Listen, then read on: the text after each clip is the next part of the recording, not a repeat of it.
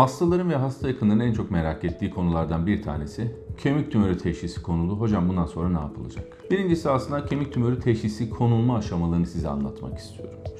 Herhangi bir yerinizde bir tümör olduğunu biliyoruz. Bununla ilgili radyografik, röntgen, MR, tomografi gibi tetkikleri yaptık ve tümörü tespit ettik. Burada kesin teşhisi mutlaka biyopsiyle koymamız gerekiyor. Biyopsiyle teşhis konulduktan sonra biz evreleme dediğimiz vücudumuzun acaba başka bir yerine bu tümör sıçramış mı bunlara bakıyoruz.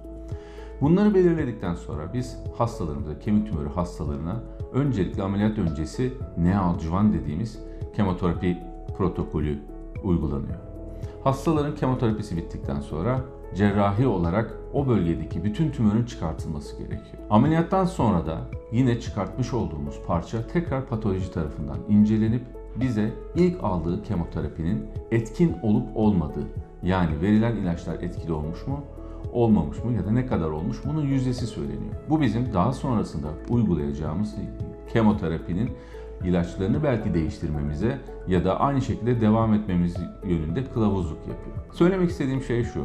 Artık modern kemoterapi, modern radyoterapi ve mikro cerrahi yöntemlerle bu tümörlerin tedavileri gerçekten çok başarılı. Lütfen böyle bir teşhisle bizlere başvurduğunuzda endişelenmeyin. Yeter ki doğru ellerde doğru adımlar atın.